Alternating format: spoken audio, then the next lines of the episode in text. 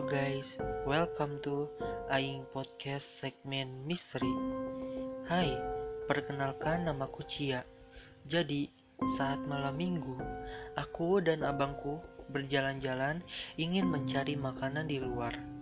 Aku dan abangku akhirnya memutuskan makan di kedai bakso yang cukup terkenal dengan baksonya yang murah dan enak. Baru kali ini, aku dan abangku makan bakso di kedai ini. Aku pun ikut berbaris mengantri, sedangkan abangku menunggu di motor. Aku menatap sekeliling kedai.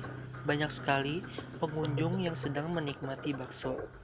Aku sudah tak sabar ingin mencicipi bakso tersebut. Akhirnya, aku bisa memesan. Bang, bakso pedes dua, dibungkus aja ya, pesanku.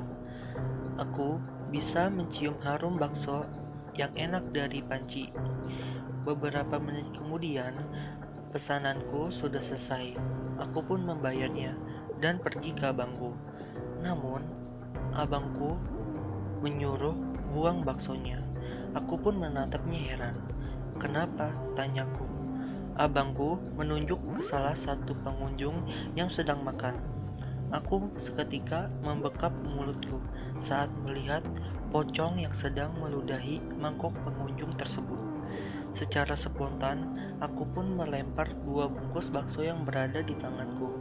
Lalu, aku dan abangku pergi dari kedai bakso tersebut.